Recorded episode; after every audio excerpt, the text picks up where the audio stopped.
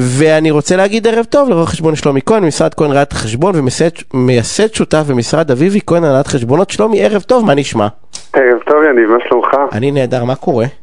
בסדר גמור, מקווה לכמה שיותר שקט. אה, אצלכם שקט, אני נכון? אישית תושב יבנה, כן, כרגע מאוד שקט, אבל לא, אני באזור רק אתה- אתה בשעה בתו- אתה האחרונה. בתווך, אתה בתווך, לא? אתה... בינתיים אמרו לי שלא לא הגיע לפה שום דבר, אבל אה, גם לא הגיע אומרים לירושלים, שלומי, גם לא. הגיע אומרים לירושלים. שכן.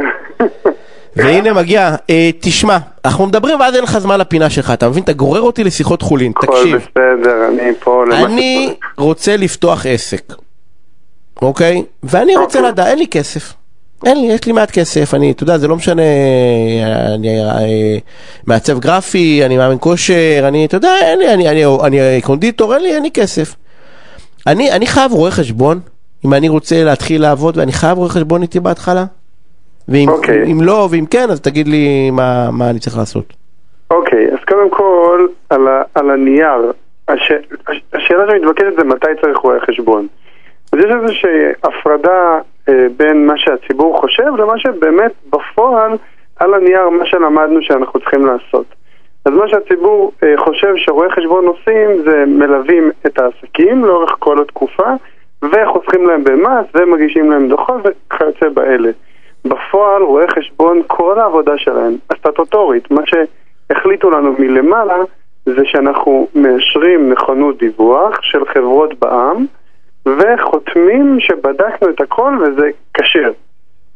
כשר למהדרין. עכשיו, מה זה אומר? זה אומר שאם אתה לא חברה בע"מ, אתה לא חייב רואה חשבון.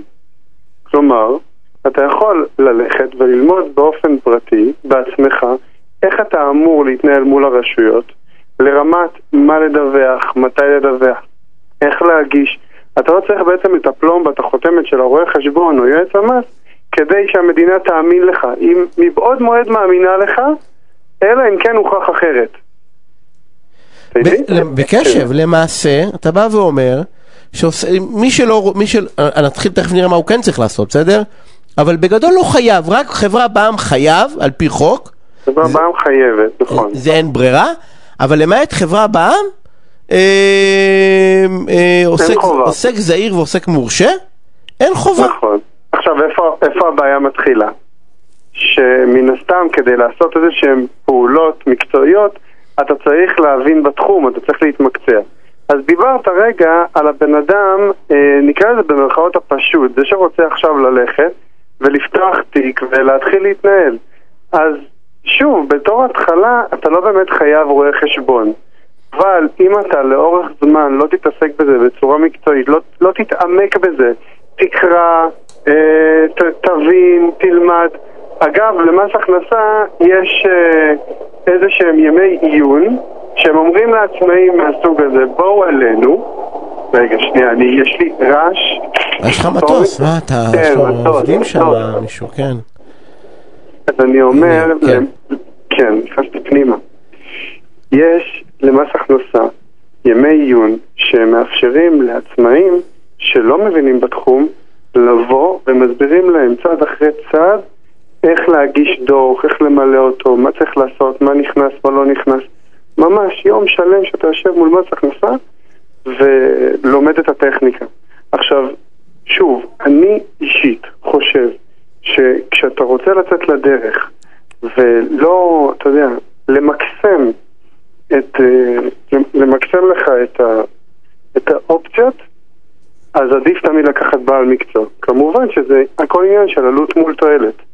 אם אני רגע לדוגמה, אקח את הנושא של עוסק פטור, שרק פתח עסק, וזו רק דוגמה קטנה, אני נותן פה שתי דוגמאות קטנות כדי להבין את הרעיון.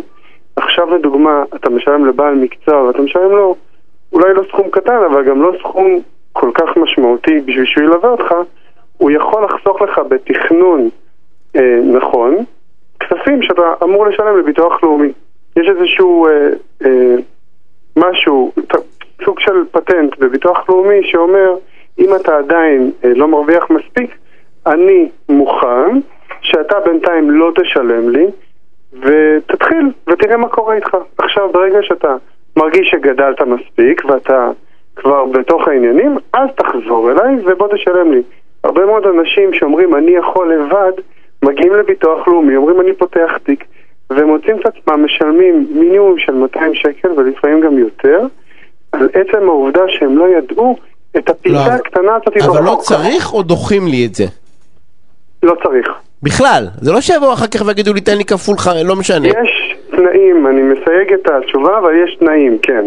עכשיו, בוא ניקח עוד דוגמה פשוטה. עוסק פטור חדש, שעכשיו התחיל לעבוד, מן הסתם יש לו הפסדים. אותו עוסק פטור שיש לו הפסדים, לא מודע בדיוק לאיך להכניס את זה בצורה מסודרת לתוך דוחות, ולפעמים גם לא יודע שהוא יכול לקזז את ההפסדים מהעסק שלו כנגד הרווחים מהשכיר שלו, ואז בעצם ליצור לו החזרי מס, שזה לפעמים יכול להגיע לאלפי שקלים. נכון שאתה מפסיד בעסק, אבל אל תפסיד את המס תוך כדי. זה, תגיד, הדברים האלה הם לא אונליין? אני שואל, זה, זה, זה, זה כאילו, זה לא משהו שמישהו יכול, כמו שאתה אומר, כמו ש- לשבת עם שלומי ללמוד, לשבת עם מס הכנסה ללמוד. עוד פעם, אני בא ואומר, ברור לכולם שמעל סכום מסוים, אתה גם בא ואומר, גם, אתה יודע, גם אם אתה עובד כל הזמן, יש לך את השקית אה, קבלות, כן? את המעטפת קבלות שאתה מעביר לרואה חשבון. כל. חודש. כן, קלסר אתה קלסר, אני. שקית ניילונית, אתה, לי יש ניילונית, שתי ניילוניות גדולות, אתה יודע, מפוצצות באיזה, ניילוני, אומר לי קלסר. אה, אני בא ואתה זורק את זה על הרואה חשבון שלך, זה נוח, אבל... אה, נכון, אבל אנחנו לא מחפשים רק את הנוח, אנחנו מחפשים גם את המקום המקצועי. לא, אז השאלה אבל, אתה מבין, השאלה אם- מישהו יכול להתחיל לעשות את זה לפחות לבד, אתה יודע, בחצי שנה, עד שהוא מתחיל חד להתארגן. משמעית כן, חד משמעית כן. אפשר לשבת וללמוד, אנחנו, האמת היא, בתהליכים של אה, הקמת קורס אינטרנטי, כדי לתת לאותו עוסק פטור את היכולת הארגונית לא לצרוך את שירותיו של יועץ המס או רואה חשבון. בתור התחלה, בשנים הראשונות, ממש ללמד אותו איך אנחנו מכירים בהוצאות, איזה הוצאות אתה יכול להכיר ואיזה לא איך בתוך העסק. מדווחים. איך מדווחים לרמה, אם אתה ניגש למע"מ, מה אתה צריך לעשות, אם אתה ניגש לביטוח לאומי, מה האופציות שלך, איך אה, מדווחים ומגישים הצהרת הון, מה נכנס, מה לא נכנס, איך, איך מגישים דוח שנתי, כן, לגמרי.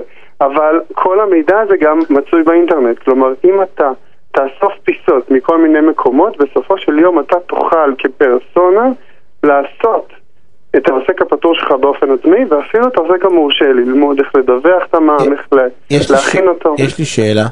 מה הנזק שיכול להיות? נניח אני החלטתי להתחיל לעבוד לבד, אתה יודע, שנה, שנתיים, ואז אני בא לשלומי, אתה יכול לתקן דברים של העבר, כאילו, אתה יכול... חד משמעית כן. התשובה היא כן, אז- אני יודע להגיד לך. אז אני אומר בעצם, אה, שאולי שווה לנסות להתגלח בהתחלה אם אתה יכול לתקן. אז זהו, שלא. למה? כי אם אתה בעצם...